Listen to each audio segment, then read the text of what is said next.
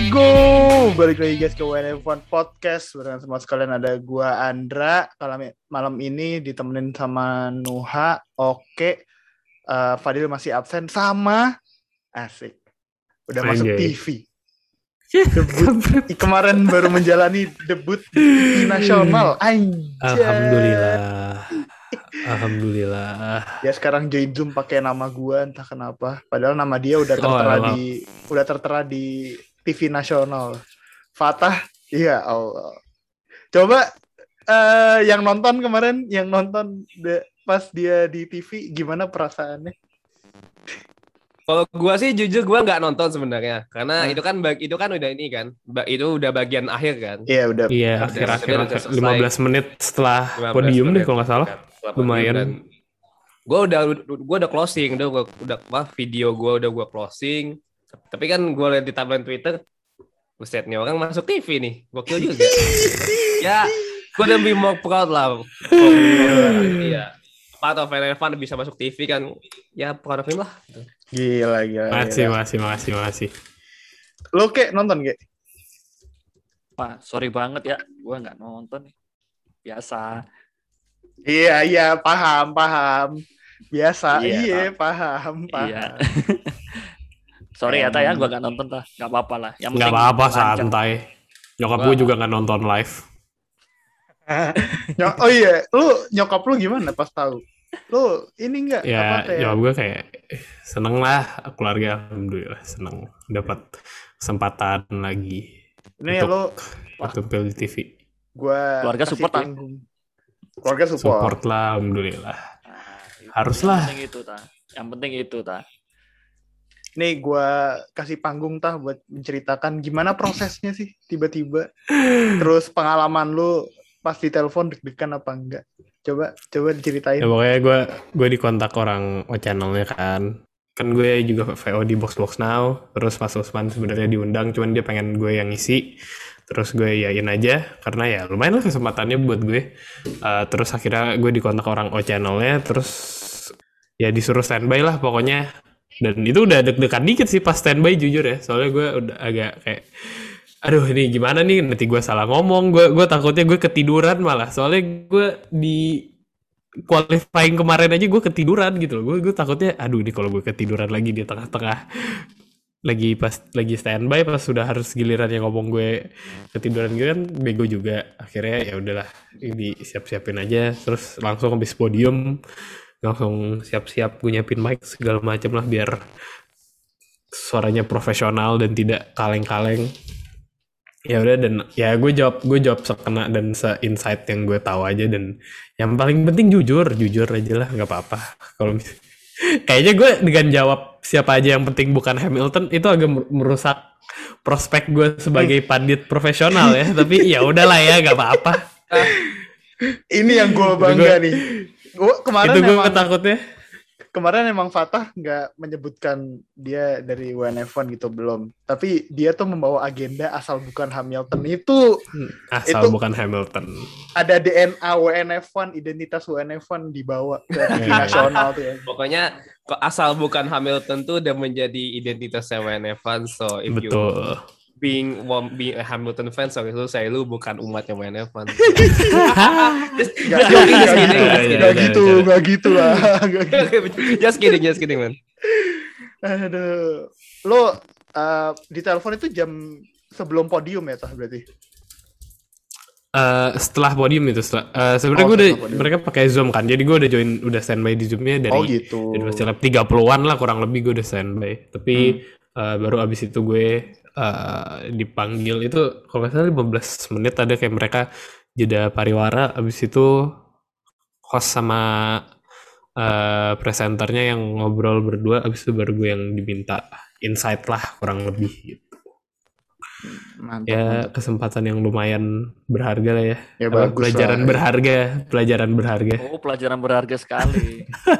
Bagus lah kemarin kayak ya Oh, yang nonton teman-teman apa? Ya seharusnya habis pelajaran berharga itu makan ayam. iya betul. Enggak, tapi kita kemarin nggak makan ayam, kita minum Red Bull kemarin. Minum Oh, jelas, Red kalau itu jelas. jelas wajib Sudah tidak perlu diragukan lagi. Khususnya gue ya, gue kalau setiap pokoknya setiap Red Bull driver yang menang di Formula Pasti. One GP hari itu, Paginya. paginya gue langsung minum. Karena case-nya hari ini adalah Mexico GP yang disiarkan jam jam 2. Jadi kan gua jadi gua gua bangun jam 3, habis itu gua lari pagi. Nah, di tengah lari pagi, kan gua lewat Alfamart nih. Gua lewat Alfamart kan habis lari pagi. Ah, aus ah minum. Langsung aja. Langsung tujuan gua udah jelas nih mau apa. Gua mau ambil Red Bull, udah.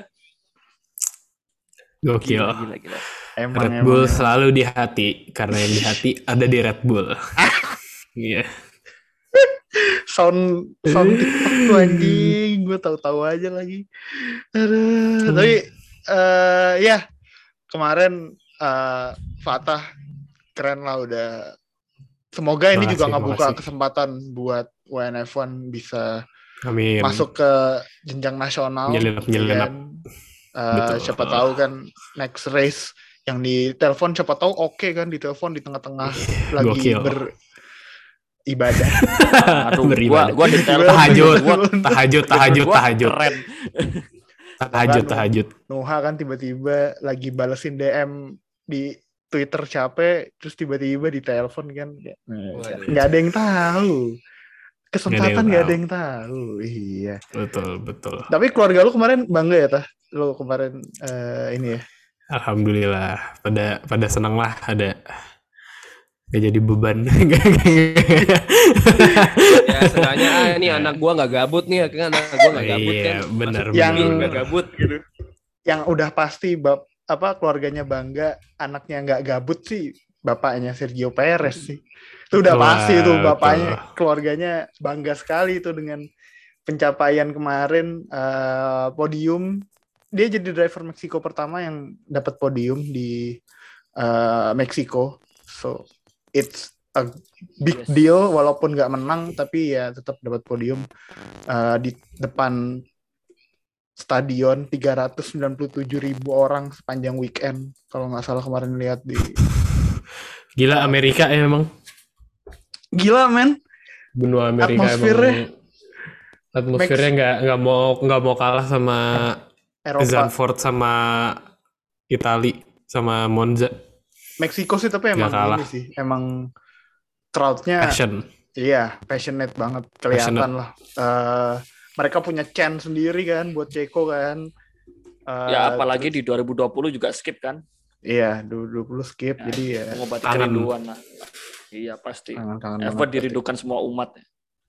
Meksiko tuh emang selalu gitu ya maksud gua kalau misal nggak ada home driver tuh apa tetap bakal seramai itu ya oh Belum tahu ya, soalnya dari Nah, iya, pertama tahu sih. iya, masanya kan Iya sih. pertama kali digelar 2015 Perez sudah udah di F1. Jadinya kita Hmm. belum tahu. karena eh, tapi mungkin ya apa ya ibaratnya mungkin gak bakal seramai itu kalau nggak ada Checo Perez tapi gue yakin orang Meksiko emang ada yang purely pengen nonton F1 aja gitu jadi ya mau ada pebalap Meksiko atau enggak di grid pasti bakal tetap rame lah uh, it, it was a great atmosphere overall. Hmm, Amerika sih kalah sih sama Meksiko.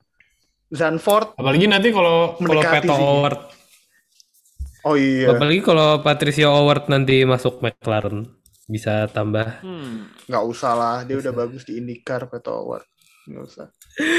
eh mulai OT mulai OT mulai OT Oke, eh sebelum kita masuk ke the race itself, ya Allah, kemarin sepanjang hari Sabtu sama hari Minggu pagi, oh nggak Minggu pagi sih bener, Minggu pagi lihat Twitter, terus trending Sunoda. Kenapa ini kan?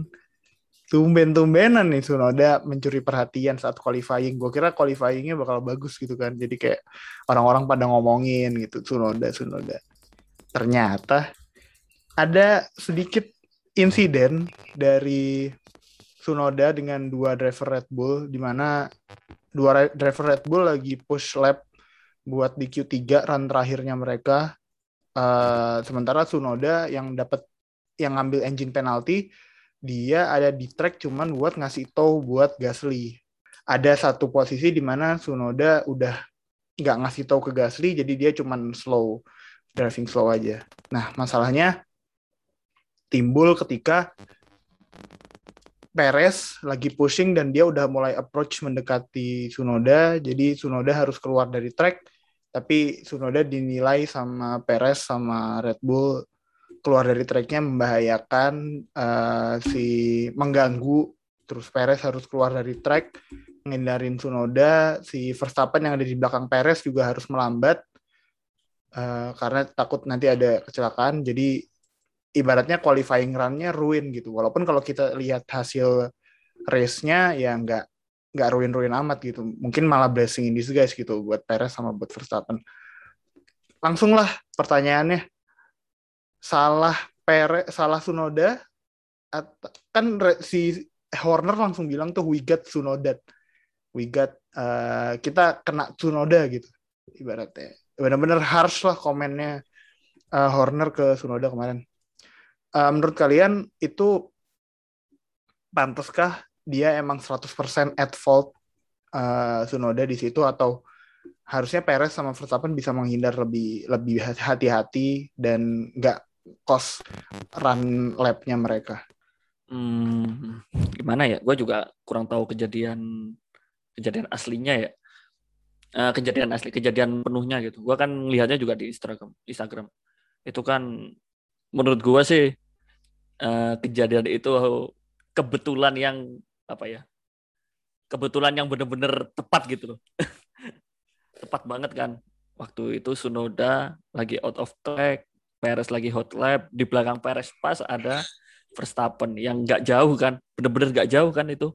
Soalnya waktu Verstappen apa namanya ke cancel buat itunya Perez masih di situ. Menurut gue sih nggak nggak adil ya sih dari Horner sampai terlalu me mencaci maki lah memaki-maki Sunoda itu. Menurut gue gitu. Kalau gue sih sebenarnya kurang ini ya kurang ngikutin what happened in the qualifying terlebih dengan apa yang involved sama Sunoda sama Perez cuman kalau gue ngeliat dari apa yang dibilang Horner sih menurut gue itu agak harsh saja karena in meantime Red Alpha Tauri itu kan ya tim satelitnya Red Bull yang ya which is yang di mana ya, itu tuh bakal affiliate langsung sama Red Bull gitu. Kalau misalnya Horner straight to the point gitu menurut gue itu ya dalam tanda kutip bad PR ya. Maksudnya ya ini ya tim yang juga sebenarnya dalam secara nggak langsung ya Alpha Tauri itu juga bawahan lu yang juga lu manage juga walaupun memang indirect ya Horner manage Alpha Tauri itu secara nggak secara langsung tapi kan the whole development masih ada sangkut pautnya sama Red Bull. Jadi menurut gue agak nggak bisa dibilang bad move, cuman ini bad PR aja sih. Ya mungkin emang mungkin karena karakteristik Horner yang tipikalnya rada ngegas di depan langsung straight to the point, but ya menurut gue agak sayang aja sih kalau memang ada indikasi kalau memang hatred towards Sonoda tuh menurut gue berlebihan aja. Bad PR. Ya, berlebihan. Mm -mm. Uh, gue mungkin setuju di poin bad PR sih karena kalaupun emang itu benar salahnya Sunoda, this is something that you can solve and uh, di ini loh di di belakang in the back office di kantor pas di brief di qualifying itu sesuatu yang lu bisa address the issue di sana bareng sama Sunoda bareng sama Perez sama Verstappen apalagi ini kan mereka masih satu tim afiliasi jadi komunikasinya juga harusnya nggak begitu parah. Uh, depan media harusnya kalau menurut gue tim leader nggak bisa throw their team members under the bridge, under the bus kayak si Horner ngelakuin itu ke Sunoda sih.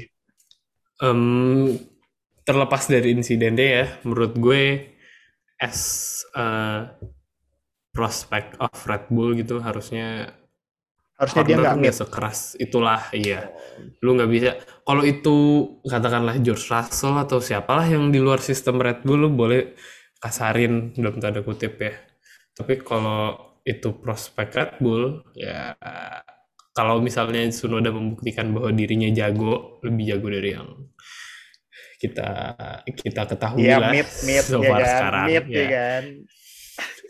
di atas di atas mid gitu menurut gue sayang aja kalau Red Bull ngelepas potensi itu. Bisa, bisa aja Sunoda ngambek terus minta cabut dari Red Bull setelah kontrak dari Red Bull family ya. Bahkan bukan cuman dari cuman bukan cuman dari AT gitu dari Red Bull as as a family gitu. Jadi dia bawa talentnya ke McLaren atau ke Renault atau ke tim lain lah pokoknya. Tapi ya sayang aja gitu bahwa Horner rela dalam tanda kutip merusak hubungan. Walaupun dia mungkin dia niatnya pengen ngasih pelajaran tapi ya bener tadi kayak siapa tadi yang bilang oke ya apa apa lu Ndra? ya pas di brief aja gitu loh. Nggak usah Yo, ngomong itu. ke press. Nggak usah ngomong ke press. Nggak nggak nggak perlu banget gitu loh. Si itu juga eh siapa sih yang bilang Sunoda tuh? Ya Horner. Yang bilang Tsunoda tuh Horner ya? Horner. Iya, Marco Horner. juga. Helmut Marco juga. Jadi ya kayak apa ya kalau budaya mungkin ya budaya juga kayak kalau orang barat kan agak straightforward sedangkan kalau orang kita kan agak orang timur kan biasanya agak kayak gak enakan dan agak ngindar-ngindar dikit kan. Ya menurut gue gue takutnya Sunoda ya ngambek terus minta cabut dari Red Bull padahal mungkin ada potensi yang bisa dibilang ya belum tersentuh gitu loh. Dan di luar itu juga kalau dari segi finansial ya lu bayangin aja berapa banyak fans F1 baru yang bakal nonton yang bakal nonton F1 cuman gara-gara ada pembalap Jepang di race winning car gitu loh.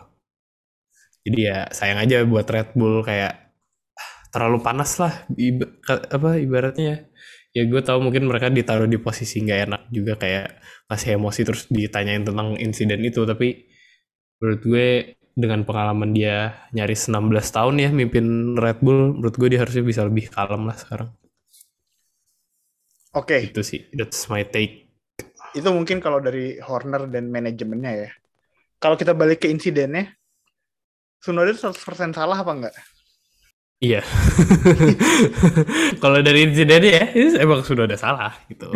Cuman ya namanya juga rookie gitu dan eh, Horner marahnya wajar tapi nggak di tempat nggak di tempat yang benar aja. Tapi kalau dari insidennya doang gue ngerti banget kenapa Horner marah. Karena dia bisa majuan aja gitu. Itu kan habis itu kan straight dan dia bisa minggir ke kiri gitu loh. Atau kalau at least ya da- di luar racing line lah. Dan itu nggak bakal ngeganggu both Perez dan Verstappen gitu kan yang ditakutkan adalah dari Sunoda walaupun dia niatnya ngindar tapi takutnya pas Sunoda keluar itu dibacanya sebagai yellow flag gitu loh. Dan bakal ngerusak dan bakal ngerusak eh, lapnya Verstappen dan dan Perez ya apalagi ternyata tiba-tiba banyak debu di situ gue yakin Perez paniknya gara-gara debunya itu gitu loh. Dikira ada yang kayak crash keluar padahal emang niatnya cuma ngindar. Jadi ya padahal Tsunoda bisa majuan dikit terus minggir gitu loh. Jadi sayang aja.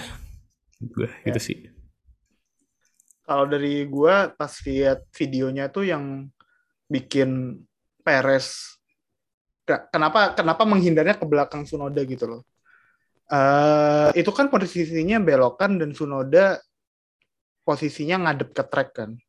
Dan Perez juga lagi approach the corner dengan kecepatan tinggi ke arah yang sama.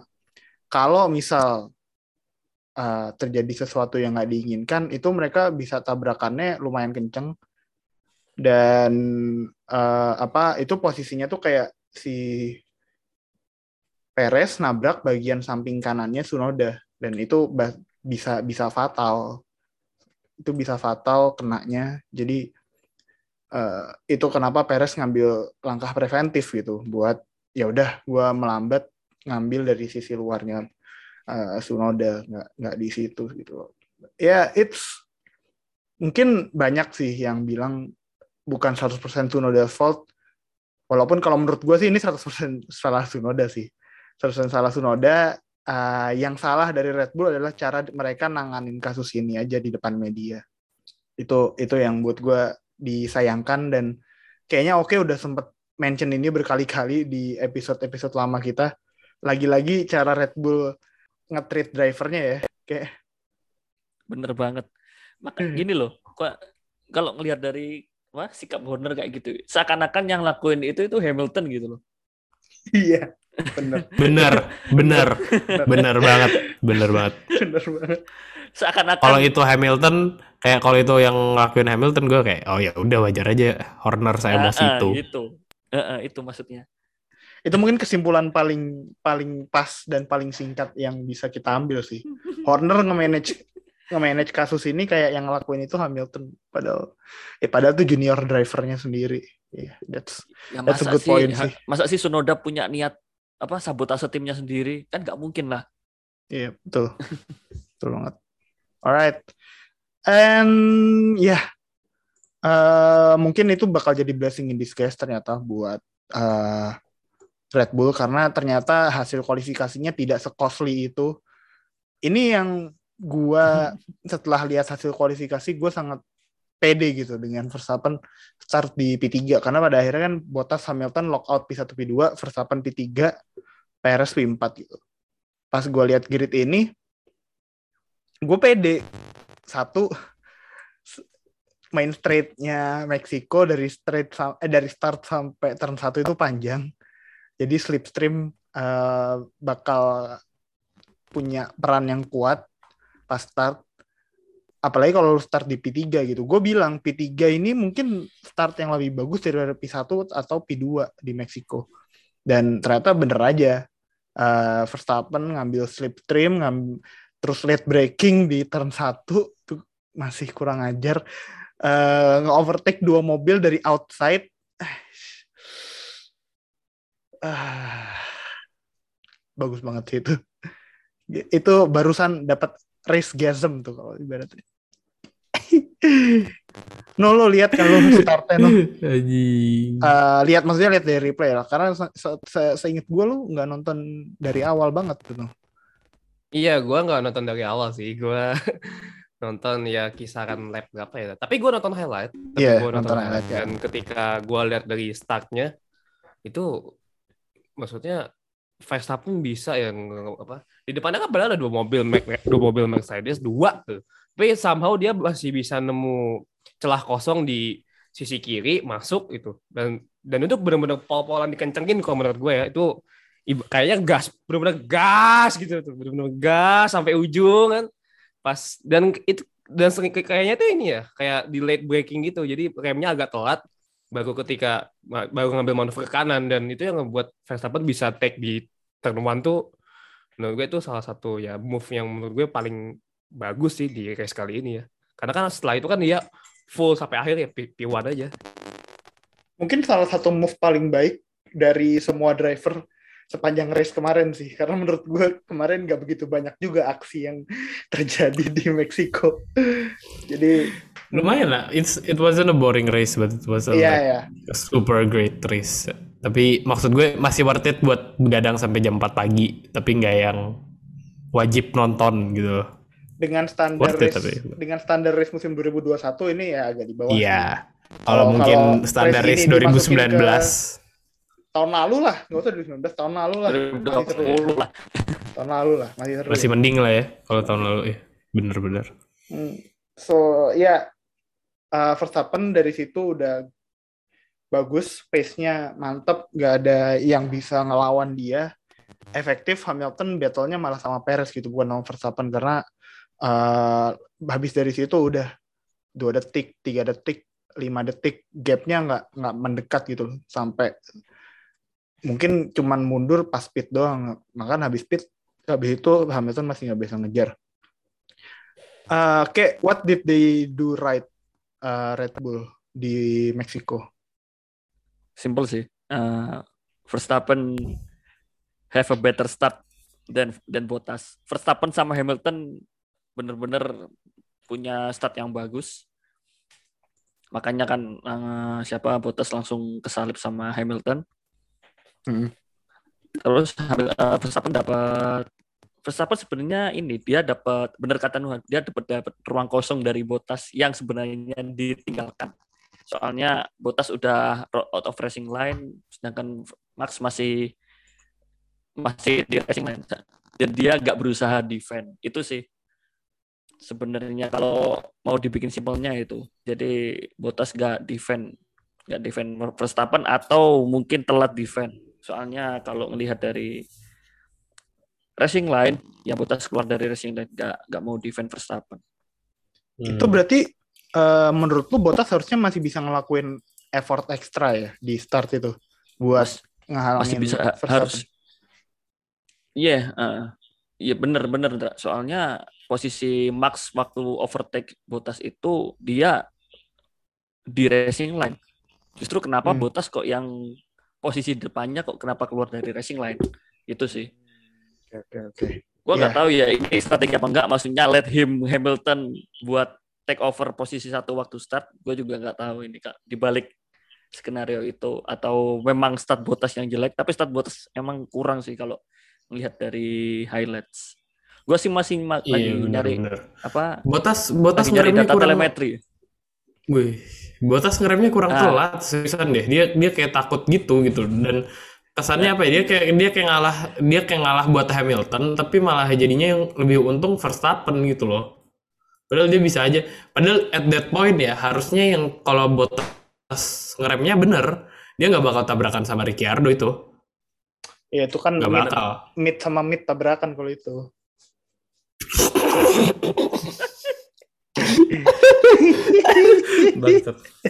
Dan satu lagi eh, Max le- apa lebih apa breakingnya lebih bagus daripada Hamilton. Itu gila sih Max. Iya, tapi tapi itu emang advantage ini sih kayak emang advantage dari bagian luar. dari bagian luar track ya jadi kayak emang Iya sih. iya. Emang udah inilah udah apa udah dapat untung dari situlah. Mm, bener. Eh, Red Bull sendiri kelihatan punya pace yang Mercedes nggak ada gitu. Eh, ini hmm. ini lebih ke Red Bull yang emang kuat di track Meksiko atau Mercedes ada masalah? dari yang gue udah baca-baca ya oh iya Coba, ya, kalau coba Tah. dari yang gue baca-baca gue nggak tahu gue nggak tahu benar apa enggak tapi yang jadi masalah adalah Mercedes ini kan turbonya dibagi dua gitu kan ya depan Hmm. depan depan belakang ya kayak ya kalau nggak salah kan ya turbo charger ya. Ah, gitu yes, pokoknya yes. bagian depan mesin sama bagian belakang mesin. Ada apa kompresor sama satu lagi bagian dua turbonya gue lupa. Ya pokoknya intinya turbonya dibagi dua dan itu rentan overheating banget gitu loh. Makanya kalau kalian ingat di Austria 2019 atau 2018 ya di mana Mercedes tuh punya isu sampai lambat banget kan gara-gara punya isu overheating dan kayaknya itu isu yang udah di reduce tapi masih ada gitu loh. jadi makanya menurut gue itu salah satu alasan kenapa Mercedes eh, nggak nggak pace-nya kurang banget lah dibandingin eh, Red Bull gitu Oke, tah kalau itu kan dari Mercedes. Kayak kalau dari Red Hmm. Bullnya kayak eh, apa yang bikin mereka kuat di Meksiko? what did they do right Hmm. Hmm. Gue juga sampai sekarang masih belum masih mencari-cari data. Gue soalnya kan pengen pengen lihat ini kan, pengen lihat data telemetri. Jadi kelihatan kok kalau dari lihatan dari data, telemetri itu eh biasanya kan di telemetri itu dari 0 sampai 100 itu dia per se- sepersekian detik. Jadi kan kalau kita bisa nemuin waktunya itu kita bisa menduga gitu loh, apa yang bisa apa yang bikin dia tuh lebih unggul dari sisi engine ya, bukan dari sisi eh, siapa namanya Max Bottas atau Hamilton yang start gitu. Mhm. Gue sampai sekarang lagi nyari. Soalnya bener-bener gak ada nggak ada yang disinggung gitu masalah engine di pas mau ke GP Meksiko ini. Gue sampai sekarang masih belum tahu, tapi bener kata Fata. eh, turbo sebenarnya bukan dua tah, tapi turbonya itu lebih lebih gede. hmm iya iya. Mhm. which is which is bagus buat power tapi jelek bukan buat overheating Uh, benda apa benda apa pun yang overheating pasti kemampuannya menurun Hmm, mungkin oke. salah mungkin mungkin nggak ada sesuatu di mobil Red Bull tapi ada sesuatu di mobil Mercedes yang dia yaitu tadi uh, apa ya, disadvantage dari atau konsekuensi yang harus diala yang harus diterima sama Mercedes apa bukan konsekuensi apa resiko ya resiko Resiko, resiko, ya. meng- menggunakan turbo besar Iya. Ini In- yang gue lihat juga sih dari apa ya? Red Bull ini kayaknya punya advantage di Meksiko. Kan apalagi ini bukan tahun pertama mereka punya advantage di Meksiko gitu. They're they're always strong in this track. Selalu kuat. Eh, mungkin ada hubungannya juga sama track Meksiko yang high altitude dan aeronya Red Bull yang emang friendly gitu buat eh, track-track kayak gini. Yang di mana udaranya lebih tipis, dia uh, ada di tempat yang lebih tinggi juga. Kemungkinan besar sih ada di situ juga tuh uh, advantage-nya Red Bull kemarin. Karena kalau ngomongin betul, mesin, kalau kalau ngomongin mesinnya aja gitu, Mercedes Equal udah- sih menurut gue. Iya iya, Mercedes udah catch up sih sama mesinnya Mercedes. Eh mesinnya Honda. Honda Honda udah Nah. catch up sama Enggak, Mercedes Mercedes, Mercedes yang catch up sih sama Honda sih kalau kata gue. Karena kami untuk musim ini ya, untuk Iya. musim ini. Kami itu Ya maksud gue untuk long term secara di turbo hybrid era dengan Honda yang pengalamannya bisa dibilang ada pengalaman buruk dan pengalaman baiknya. Gitu. Jeep itu. Iya, so ya Throwback throwback Jepang. itu yang ngebawa Verstappen menang dan Perez di P3. Sayang banget itu chase terakhirnya Perez nggak dapet tuh. Itu itu mungkin salah satu yang paling bikin deg-degan sitting at the edge of your seat juga tuh akhir-akhir race Betul. karena sepanjang race aksinya rada dikit. So, noh lo kemarin pas eh, lap-lap terakhir kan sebenarnya Perez juga udah kayak back off tuh gue udah ngira tuh kayak oh ya udah mungkin dia bakal settle P3 tapi ternyata lap-lap terakhir dua lap tiga lap terakhir dia charging ke Hamilton noh Ya. tambah satu lap aja dapat nggak tuh P2 Sama kayaknya sih mungkin nggak kalau menurut gue kayaknya nggak dapet ya. Cuman selisih selisih selisih jaraknya itu paling cuma 0,2 atau 0,3 per second karena melihat dari dua dua tiga lap terakhir yang dilakuin sama Perez tuh menurut gue itu udah push push the to Limit push the ya. limit. Hmm. push the limit.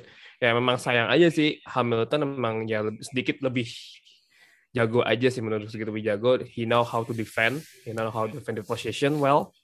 Memang itu kelihatan banget sih Hamilton dia mem- meminimalisir kesalahan agar ya posisinya biar nggak diambil sama Perez. Sebenarnya Perez bisa banget. Dan ya tapi memang udah kebetulan mentok dan Hamilton tuh bannya tuh udah bannya tuh udah ini udah panas. Jadi udah gripnya tuh udah hampir udah hampir nggak ada. Hmm. jadi sebenarnya bisa tapi kalau misalnya ditambah satu lap lagi paling cuma bisa 0,2 0,3 aja balik lagi. Karena this is Hamilton. He know how to defend position well. Memang faktor atau juara ya we could we could deny that.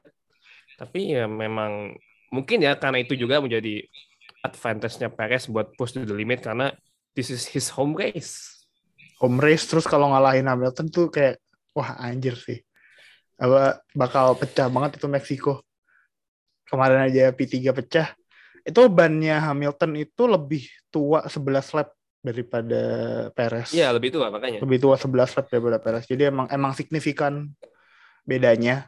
Tapi at the end of the day ya ketika udah mendekat mobil si Perez kena lebih banyak kena dirty air dan Meksiko kemarin selain karena iya Meksiko kemarin kayaknya Ya. outside of turn 1 sama di RS yang kedua kayaknya nggak banyak tempat overtake ya noh kalau ngelihat ini yang terakhir kalau terakhir da- gitu. dari layout tracknya sih nggak Hmm. banyak ya Hmm, ya paling kan? mentoknya cuma bisa di lurusan itu di lurusan finish sama ya di RS tracknya di RS Di kedua race kedua. sisanya RS kan kedua. rata-rata ya kata kebanyakan kan fast corner menurut gue. Iya, betul. benar benar kata-kata fast corner kecuali yang masuk stadion ya kecuali Iya. masuk stadion agak agak emang agak agak spin gitu kan agak agak hairpin cuman memang untuk overtake pun juga agak ada sulit ke menurut gue yes benar gue kalau kemarin Menurut kejadian overtake-nya di stadion wah anjir sih Wah, itu sinting sih. Enggak, tapi menurut gue salah satu faktor kenapa Perez gak bisa lewat bukan karena pace, tapi ya karena itu saat dia pace dia bagus banget loh. Dia bagus bagus banget pace pace dia dan Red Bull ya terutama Verstappen narik 7 detik dari dua-duanya narik 7 detik dari Hamilton. Eh, Verstappen maju 7 detik eh Perez ngurangin 7 detik dalam kurang lebih durasi lap yang sama. Tapi yang disayangkan adalah ya itu layout tracknya ini emang gak mendukung gitu loh. Setelah setelah eh, setelah dua straight itu dikasih chicane dan istilahnya apa ya cookie cookie cutter corners lah ya eh, sesuai apa trademarknya Her- Herman Tilke walaupun ya itu eh, street circuit ya tapi ya dia ngasihnya gitu kan kayak belok-belok kanan kiri kanan kiri yang tajam terus eh, dikasih satu yang mirip Maggots Beckets di tengah-tengah. Yang fast corner yang sayangnya saking fastnya dirty air-nya kuat banget sampai mobil-mobil nggak bisa ngikutin gitu di situ. Mobil-mobil generasi sekarang lah ya at least. Jadinya ya itu Perez nggak bisa ngelewatin Hamilton karena dirty air aja sebenarnya. Kalau mungkin dari pure pace dan ngelihat kayak kurang lebih kayak trennya gitulah ya eh gue yakin Perez bisa nyusul sebenarnya tapi karena dirty air jadi Sulit. nyangkut deh Mm-mm. sulit Oke, kita geser sedikit ke battle yang juga panas. Tapi kalau kemarin nggak ada panas-panasnya sama sekali karena satu tim lebih gacor, satu tim sama sekali nggak dapet poin, seinget gue. Seinget gue nggak dapet eh, apa sih Norris dapet poin ya? Bentar, gue cek dulu ya. Norris dapat satu poin. Norris dapet satu poin ya? P10 ya? Satu poin. Tuh. P10. Tapi itu apa ya under underperform. Gua nggak tahu dari Iya, ekspektasinya ya, tapi underperforming banget lah ya dibandingin dibandingin kesayangan kalian. Iya, iya, dibandingin gue gue bingung in pak kemarin benar gue balik lagi ke yang pas lo di interview kan lo ditanya eh, Mas Fata fa- favoritnya siapa nih? Maksudnya kan si hostnya kan bukan nanya favorit antara Hamilton atau Verstappen kan dia cuma cuman ibaratnya cuma nanya ya udah favoritnya siapa? gitu di F1 kalau Ya. nggak berani jawab Ferrari sih tah satu lu udah satu nggak bangga tah gue satu gue nervous, satu gue nervous, oke. Satu gue nervous. Jadi gue kayak oh nih Verstappen Hamilton nih, oh ya udah Verstappen deh Verstappen. Gitu. Kedua bukannya apa-apa nih, gue gue orangnya loyal, gue dukung MU dari kecil. Gue dukung kalau di baseball Los Angeles Angels itu juga tim ampas. Gue dukung loyal gue mah. Bentar, bentar, bentar, Tapi- bentar. Bentar, bentar, bentar, bentar. Gue potong dikit. Lu dukung MU? Ngapain anjing? Nah, nah, nah, bentar. Sama, sama dukung MU, dukung Ferrari itu sama kayak dukung MU sekarang. Kayak lu masih loyal, Benar, benar. tapi kayak lu malu gitu loh, pengen ngaku. Jadi gue nggak mau, gue nggak mau ngaku-ngaku gue fans Ferrari. Ini sebenarnya di kamar gue isinya merchandise Ferrari semua. Di minggu aja gue cat merah gara-gara Ferrari. Tapi at the same time kayak eh, nggak usah diakui dulu lah. Tah, Verstappen tah, dulu, at least dulu. kalau kita dukung Ferrari yang ngecengin nggak banyak lah. bener sih. aduh Aduh, tapi ya gitu. Jadi jadi apa ya? At this point gue belum mau belum belum mengaku deh belum mengaku. Payah sih payah sih nggak nggak belum ngaku guys. tapi tapi podcast kita udah 55 episode. nih. ya gampang nantilah dikoreksi. Saya juga suka Ferrari mbak. Masa gitu? Oke, baliklah Revisi, ke, revisi. baliklah kita ke race. Ferrari, gacor, gacor. Gacor, Nggak- bos, nggak ada, gacor. nggak ada um, kata yang bisa lebih mendeskripsikan kemarin.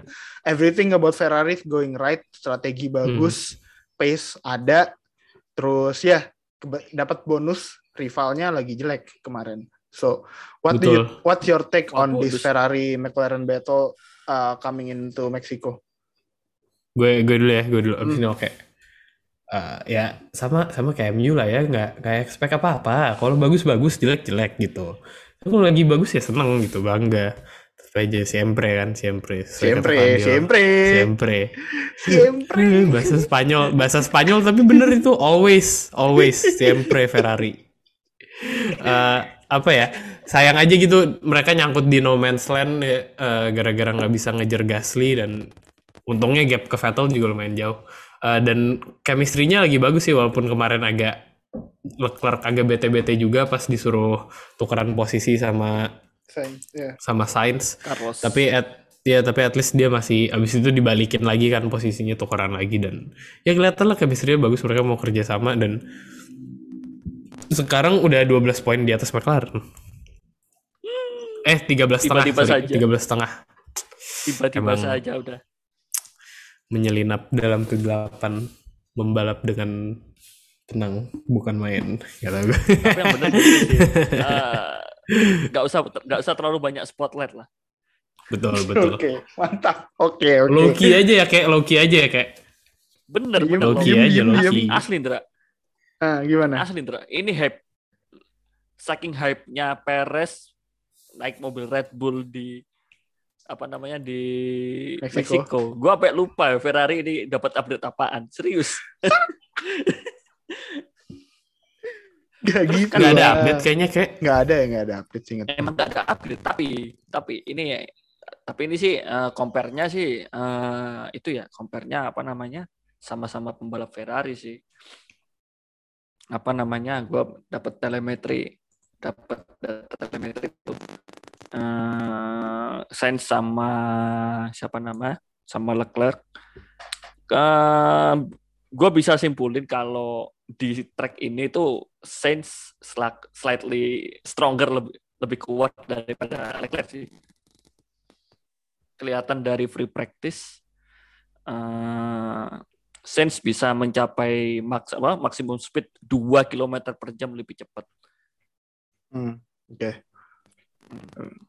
Gua rasa juga itu sih gua rasa salah juga kalau ini perbedaannya Ferrari sama McLaren kemarin ya Ferrari nggak punya driver mid ya nggak sih? Ferrari nggak punya driver mid ya tah ya? udah gua Gimana tah mid Ricciardo tah? Ya gitu Gimana Ricciardo kemarin? Bro, bro. Eh tapi dia Bisa nahan nabrak. beberapa lap di belakang dia. Jadi I counted as a win lah. Nahan, nahan botas juga ditabrak dulu anjing. Nahan apaan? Nahan sih nahan ditabrak dulu. Kalau nahannya di P, P5 sama P6 nggak apa-apa pak. Ini nahan di Asik. P17. flexing P5 dan P6. Sekali kan jarang-jarang. Iya jarang-jarang. Ah, intinya bagus. gini kesimpulannya dan dan bisa gue simpulin Sainz ini bener-bener apa ya growing lah bener-bener berkembang banget berkembang pesat Hmm, betul di betul. Ferrari sih dan momentum Kayak- sekarang memang dipegang Ferrari ya. Eh, kita bisa bilang gitu ya buat Iya. battle ini ya. So, Ya, tapi in in good old Ferrari 2010s eh 2010s fashion ya. any given Sunday. Iya bener any given Sunday Any bener. given Sunday. Any given Sunday. Sunday. eh Bener, eh Given tapi Sunday. ini udah menurut tapi seperti yang kita bahas di episode sebelumnya sebenarnya udah ini udah masuk ujian mesin baru Ferrari sih dan hasilnya not Iya bad lah. benar.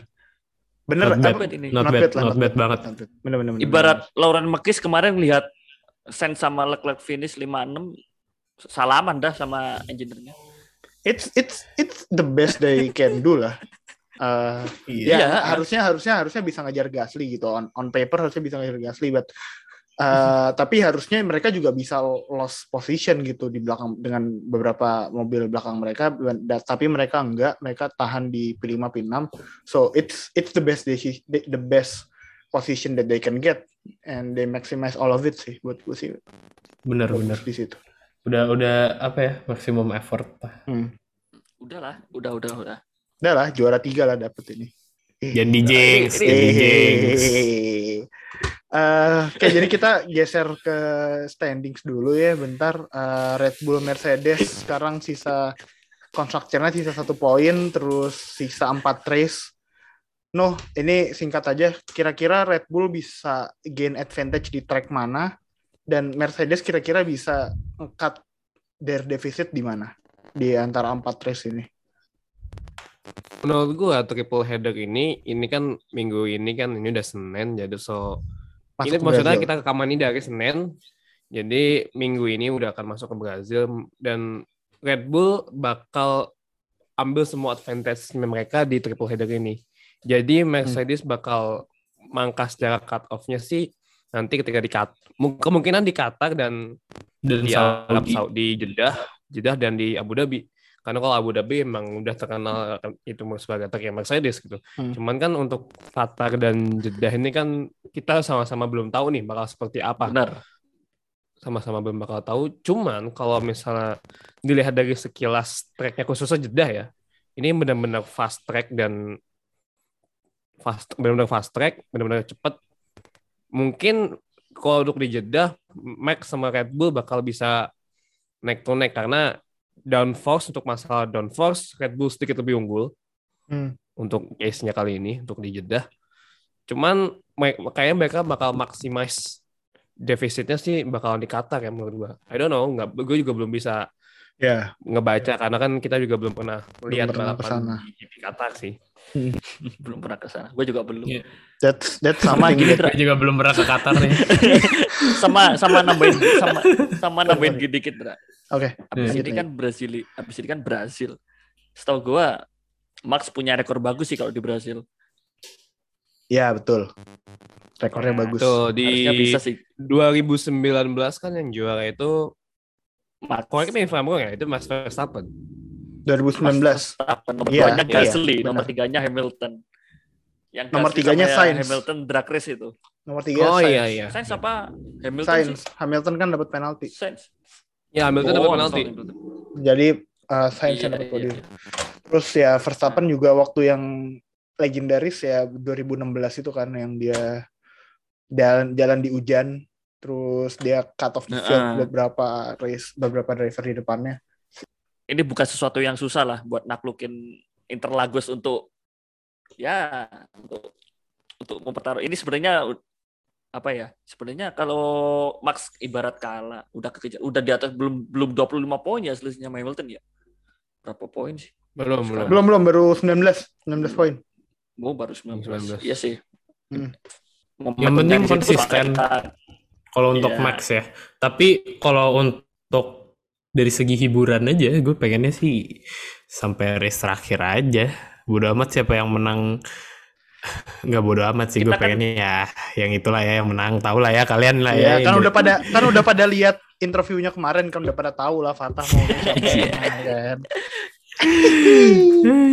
Tapi ya soalnya kan kita belum tahu Qatar sama Jeddah kayak gitu. Iya, Mungkin ini yang bakal misteri Max sih, Hamilton semuanya udah mungkin udah pada nyoba di simulator ya. Pasti udah pasti udah jadi lah simulatornya lah. Nggak mungkin enggak. Hmm. Soalnya Jadi- Abu Dhabi kayaknya yang pol yang menang deh. Sama aja. Iya. Ya kecuali ada efek yang lumayan gede dari itunya sih kayak dari update, update tracknya ya. Iya, bener. Jadi benar benar. benar. ya mungkin edge-nya Red Bull yang harus mereka dapetin tuh di Brazil sama salah satu antara Qatar Jeddah. Karena kalau buat gue sama Mercedes di Abu Dhabi tahun lalu mungkin Verstappen yang menang tapi itu kondisinya kan Mercedes udah juara dunia. Jadi maybe they do a little bit udah nggak develop mobilnya. Tapi kalau yang nanti ini yang di Mhm. Mercedes eh yang di Abu Dhabi siapa tahu Mercedes masih full full power kan. It's gonna be mungkin Mercedes bakal dapet di situ. Jadi gamblingnya ada di Qatar sama Jeddah Ah, yang harus jadi kita perhatiin bareng-bareng Ya kok Toto juga bilang kok kalau pertarungan ini belum selesai. Toto masih mengibarkan bendera perang kok. Dan juga Mana ini ya. ada. tam- Iya, silakan silakan dan dokter. juga tambahan lagi sedikit. Nah, dan di di saat-saat kayak gini nih momen momen kayak gini second driver tuh important menurut gue. Wah, bener sih. Banget lah. Bener, bener. Apalagi di konstruktor ya. Untuk melihat Apalagi ya, konstruktor. setelah 2000 2002 apa 2021 mid season ke setengah ini tuh menurut gua Bottas udah menurun jauh performanya jadi seakan-akan Hamilton tuh kerja sendiri nih jadi yang kayak mak- makanya kan makin ke sini kan perolehan poin khususnya konstruktor ya makin ke sini kan makin kesusul tuh poinnya Mercedes bahkan sekarang cuma satu beda sekarang. poin kok nggak salah beda beda satu Ya, poin doang kan satu poin. karena ya Red Bull semakin sering double podium ya otomatis poinnya tuh terdongkar naik juga gitu. Jadi ya mau nggak mau sih Bottas harus step up menurut gua. Kalau mau, mau- misalnya kalau mau Mercedes tetap aman sebagai juara konstruktor ya, ya mau nggak mau Bottas harus step up. Sebenarnya Bottas oke-oke aja sih menurut gue ya. Cuman kemarin sih ya I don't know unluck atau mungkin emang ya gua nggak mau bilang bodoh sih enggak ya, cuman unlucky sih unlucky Unlucky. aja sih menurut gue. unlucky sih kemarin Iya. Apa saja sih. Itu emang eh, kalau dari kalau yang Verstappen itu emang salah dia menurut gue dia nggak defend Max. Tapi kalau yang dia ditabrak mid mid Giardo itu bukan bukan salah dia sih udah sitting duck aja at that point. Eh terus Emang udah juga blind slow spot stop sih. juga loh. slow stop Iya. Terus juga slow slow stop, terus Banyak tabrak, Apesnya. Banyak apesnya. terus speed dua kali pula. Hit dua kali pas yang mau ngambil fast Oh, lap iya. jadi kayak aduh nggak ada yang bener deh kemarin Bottas tuh nggak tahu gue kenapa jadi ya itulah eh, kalau dari konstruktor ya momentumnya ada di Red Bull tapi Mercedes masih bisa masih punya lead di satu poin. So ya.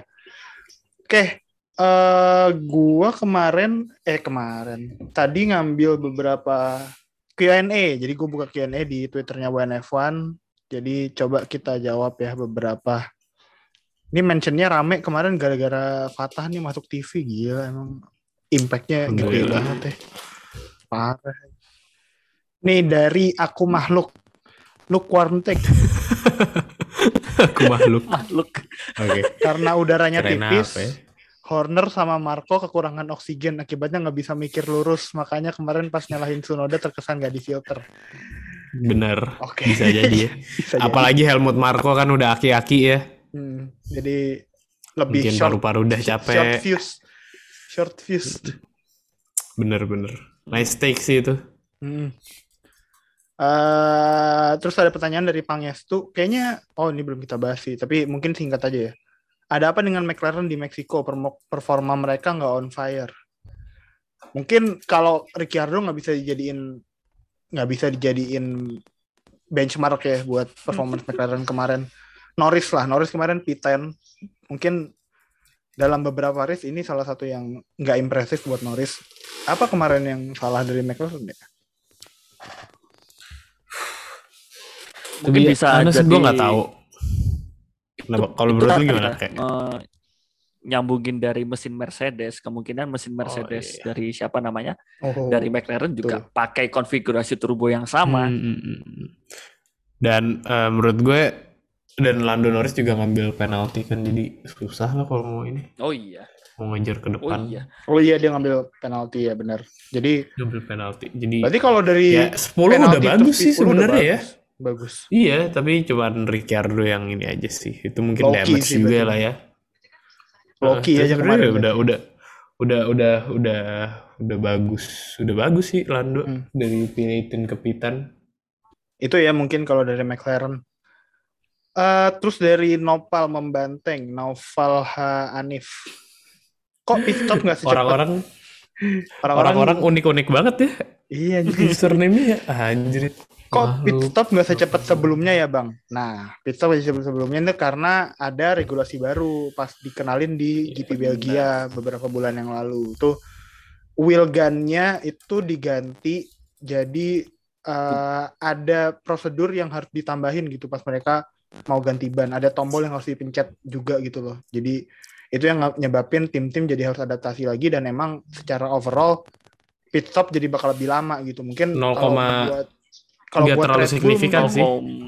Kalau buat Red Bull 0,3 mungkin kan 2,2. 0,3 0,2 iya 0,2 sampai 0,4 detik. 0,1 juga bisa sih. Ini gua langsung baca dari yang apa namanya DHL-nya yang apa namanya biasanya bikin award itu DHL Yeah. fastest pit stop itu. There is there is also a new minimum time that must elapse before giving the green light. Not until for impact brands have hit go. Intinya ini kan buat ngantisipasi ba, apa baut ban itu terpasang dengan sempurna. Jadi ya diberi sekitar 0,1 detik buat apa ya sensor dari wheel gun-nya itu ngirim sinyal ke sinyal go, sinyal lampu hijau itu gitu. Yang sebelumnya nggak ada. Makanya kalau makanya kalau sekarang setelah ada masalah eh, setelah ada new rule ini jarang sih udah ada apa hmm, kejadian pit stop terus banyak rapat gitu.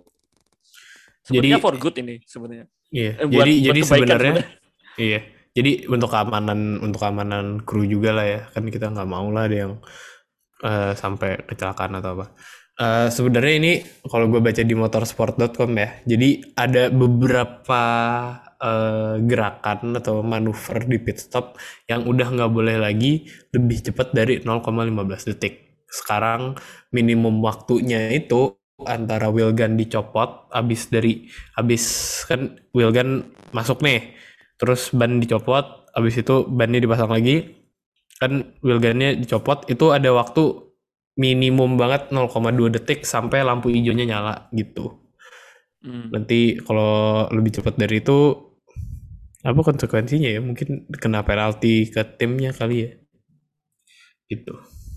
Itu sih dari yang gue udah baca-baca. Kurang lebih. Nah, itu itu lampu hijau itu ternyata sinyalnya berasal dari wheel gun-nya tah. Jadi Iya, bener-bener- ada ada ada tombolnya ya, yang harus Itu, dipencet. eh, eh, eh, eh, itu maksudnya.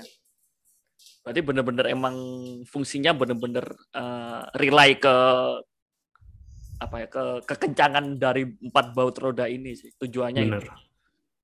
Di- Oke, udah segitu aja dari hot take sama Oh. Take sama pertanyaannya. Thank you buat teman-teman yang udah ngirimin. So, seperti biasa, kita bakal lanjut bacain standings. Eh driver Silakan, Noha. constructor. Ini dia sesi Ini udah pembacaan. energi energi Red Bull udah kick in, kick in. Sudah merasuk. Oh, mute dulu deh, dari ketawa-ketawa gak jelas ganggu.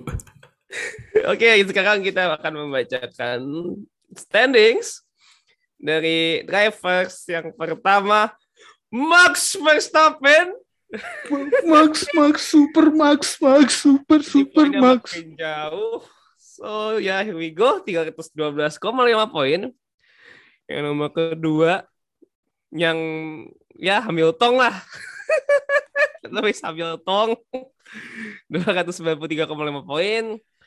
Nomor tiga yang apa di apa yang nomor tiga itu yang race-nya kemarin this race was shit gitu kan. itu Valtteri Valtteri Bottas 185 poin. Nomor empat di hometown boy from the Mexico Sergio Perez 165 poin. Nomor lima Lando Norris 150 poin. 6 Charles Leclerc 138 poin. 7 Carlos Sainz 130,5 poin. Nomor 8 Daniel kalau sebagian dari orang di sini Ricciardo 105 poin.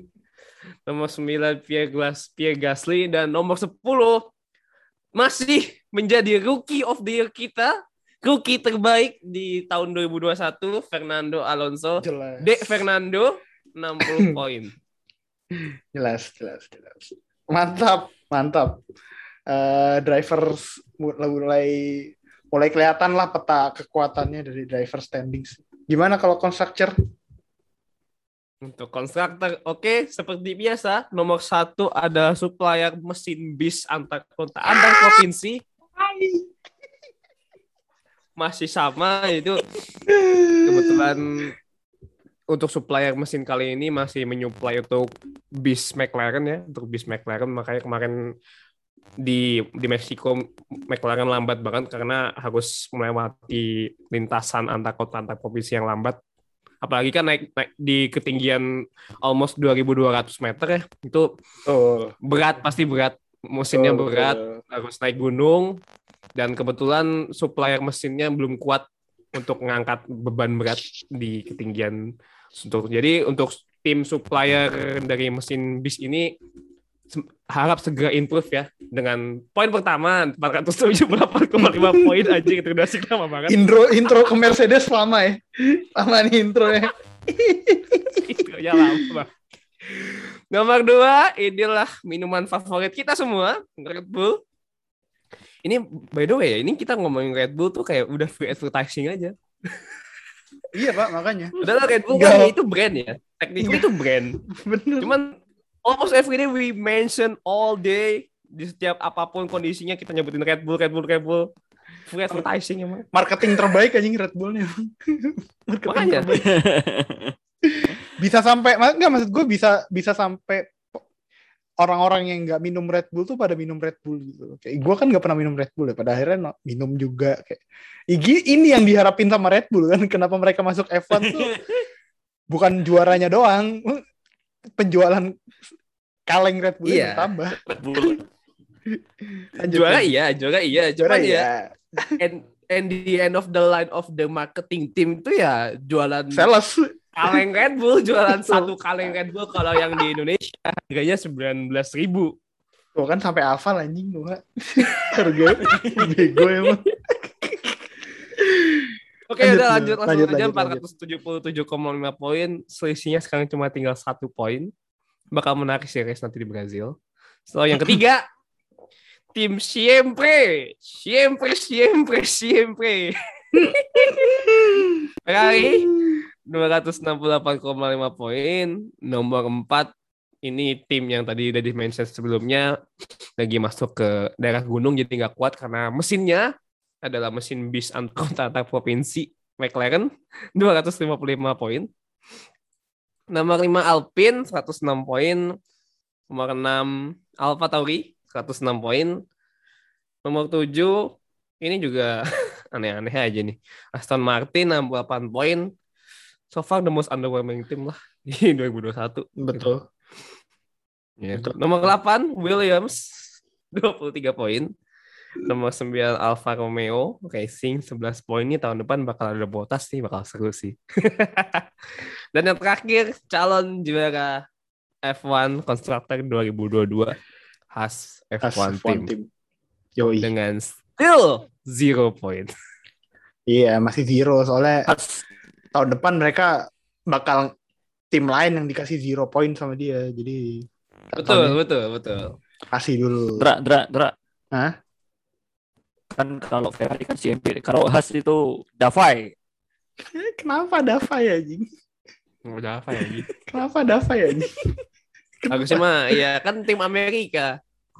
Tim Amerika tapi benderanya Rusia. Oke, oke, oke. Eh, Thank jangan you. lupa loh, Haas tuh tim Amerika loh, bukan tim Rusia loh ya. Iya. Pemain juga, pemain jual. Liverinya lebih ini, Rusia. lebih Rusia memang. Anyway, thank you Rusia. buat tim standings, buat lagi-lagi menghibur kita pada malam hari ini. Ah, nah kalau ini yang satu ini bakal menghibur teman-teman semua sih. Jadi usahakan kalian sudah mendengarkan episode ini sampai sini, eh, karena kalau kalian dengerin ini duluan, kalian punya lebih banyak kesempatan buat mendapatkan hadiah yang satu ini. Jadi WNF1 bulan Oktober kemarin udah dapat dua milestone alhamdulillah. Jadi kita ada 1000 followers di di Twitter. Terus tanggal 22 Oktober kemarin WNF1 juga sudah resmi berusia satu tahun. Eh, 22 Oktober kemarin episode pertamanya WNF1 keluar kenalan sama kita-kita eh, podcaster WNF1. Jadi sebagai bentuk terima kasih dan apresiasi kepada semua pendengar WNF1 selama setahun ini yang sudah sama-sama membantu kita growing dari nol sampai eh, sekarang kita memutuskan buat ngadain giveaway special anniversary. Let's go. Davai. Davai, Davai. Oke, giveaway-nya nggak kaleng-kaleng. Eh, ini merch dari salah satu driver yang paling sering kita omongin di WNF1. Siapa Siapa sih? Siapa sih? Sean. Wah, bukan. bukan. Well, F1 yang paling sering diomongin di WNF1, salah satu paling sering. Jadi, dengan ikutan giveaway ini, kalian bisa memenangkan satu topi McLaren Special Edition Daniel Ricciardo. Nice. Jadi, kalian nanti bisa lihat topinya di postnya Instagram atau post Twitter kita ya. Jadi, jangan lupa follow WNF1 Official. Stay tune, stay tune. Stay tune. Langsung follow. langsung follow. Kalau kalian udah dengerin ini duluan, kalian nanti bakal dapat kesempatan ini duluan sih. Karena postnya nanti gue keluarin setelah episodenya dirilis. Jadi kalian dapat info ini duluan dari podcast. Caranya gimana buat menang giveaway? Caranya gampang. Kalian cukup eh, ceritain. Kalian cukup pertama follow dulu eh, sosial medianya WNF1 di Twitter, Instagram, sama TikTok at WNF1 Official. Terus nanti kalian bisa like sama atau like atau retweet eh, postingan soal giveaway-nya. Nanti kata kita bakal post. Dan kalian cukup ceritain episode favorit WNF1 kalian yang mana dan kenapa. Itu aja, gampang. Jadi kalau kalian emang pendengar Gampang F1 banget. dari awal, WNF1 dari awal, kalian pasti udah punya lah mungkin beberapa episode yang kalian suka dari kalau sekarang ini lab ke 55 jadi ada 55 episode yang bisa kalian eh, pilih pilih salah satu ceritain kenapa kalian suka eh, apa episode tersebut cerita yang paling menarik da, menurut tim WNF1 bakal dikasih satu buah topi Daniel Ricciardo. Nice. Jadi jangan sampai kelewatan. Cek terus sosial medianya WNF1. Jangan sampai kalian ketinggalan. Uh, ini juga bentuk terima kasih kami dari WNF1 setahun sudah uh, WNF1 ada di mengudara di. Spotify di berbagai macam podcast player. Menemani hari Selasa kalian. Hari Selasa Betul. dulu masih sempat ada preview juga kan. Tapi kita udah gabungin terus di Twitter juga udah ngobrol-ngobrol bareng sama WNF1 sama tim-tim WNF1. Di TikTok juga udah mau 2000 follower ya. Tah, jadi Um, Mungkin- eh kayaknya udah belum ya? coba cek deh. Waduh. Nggak tahu. Coba cek dulu ya, guys. Jadi mungkin siapa tahu nanti Wah. pas uh, giveaway ini diumumin sekalian juga buat ngo- ngobrolin 2000 uh, buat Dua lagi, dua lagi. Tuh, dua lagi. 1998. Dan topinya asli langsung beli Asli di. McLaren.com loh. Beli di Asli lah ini. McLaren.com loh. Asli loh ini. Topinya asli lah, nggak mungkin kita Asli. bikin Topinya giveaway. asli, terus topinya asli ngapain? Masa kita bikin giveaway topinya nyetak di Blok M? Kamu mungkin lah. Nggak mungkin. Jadi Langsung dari Oh. McLarenshop.com. Udah, pokoknya gitu. kita udah legit cek sama orang-orang yang ahli pertopian dan udah aman topinya asli. Jadi eh jangan lupa ikutan giveaway-nya dan sampai kalian ketinggalan kesempatan buat menangin satu topi Daniel Ricciardo McLaren. So, oke, eh, itu aja buat episode review Mexico GP kali ini. Thank you Fata, thank you Nuha, thank you Oke udah join buat malam ini. Eh, jangan lupa follow tadi sosial medianya WNF1 di Twitter, Instagram, TikTok at WNF1 Official. Join Discordnya WNF1, linknya ada di pin tweet kita paling atas. And we'll see you guys in our next episode. Bye guys. Bye.